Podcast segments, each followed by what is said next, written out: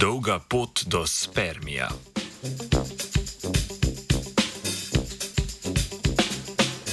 Japonski raziskovalni skupini je uspelo razviti funkcionalne podganje spermije iz pluripotentnih matičnih celic.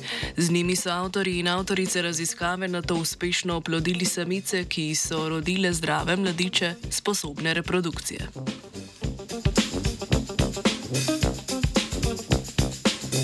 Laboratorijsko gojenje živalskih spolnih celic iz matičnih celic je še vedno v povojih. Do nedavnega je raziskovalkam in raziskovalcem uspelo razviti spolne celice le iz mišjih matičnih celic, od tega prelomnega dosežka pa je minilo že 11 let. Počasnost razvoja kaže predvsem na to, da je področje raziskovanja razvoja pluripotentnih matičnih celic, torej celic, ki so se zmožne razviti v vse telesne celice, še vedno polno neznank.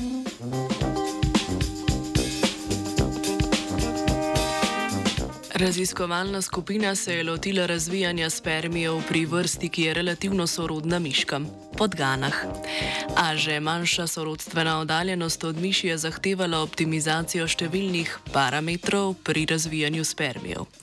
Pri gojenju pluripotentnih matičnih celic so raziskovalke in raziskovalci poskušali oponašati naravno okolje, v katerem se podganja matične celice v telesu postopoma razvijajo v predhodnice spolnih celic, torej spermijev in jajčec.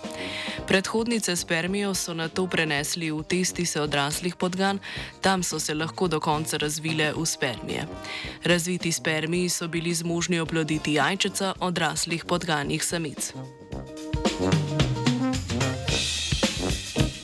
Odkritje pomembno dopolnjuje naše razumevanje laboratorijskega gojenja spermijev in bo najverjetneje doprineslo k razvoju novih podganjih modelov. A hkrati raziskava kaže na težavnost in omejitve prenosa tehnik za gojenje spolnih celic med vrstami. Gojenje človeških spermijev iz pluripotentnih matičnih celic zato najverjetneje ni na vidiku vsaj še nekaj let, če ne celo desetletje. Spermij se je spogledoval Arne. Three.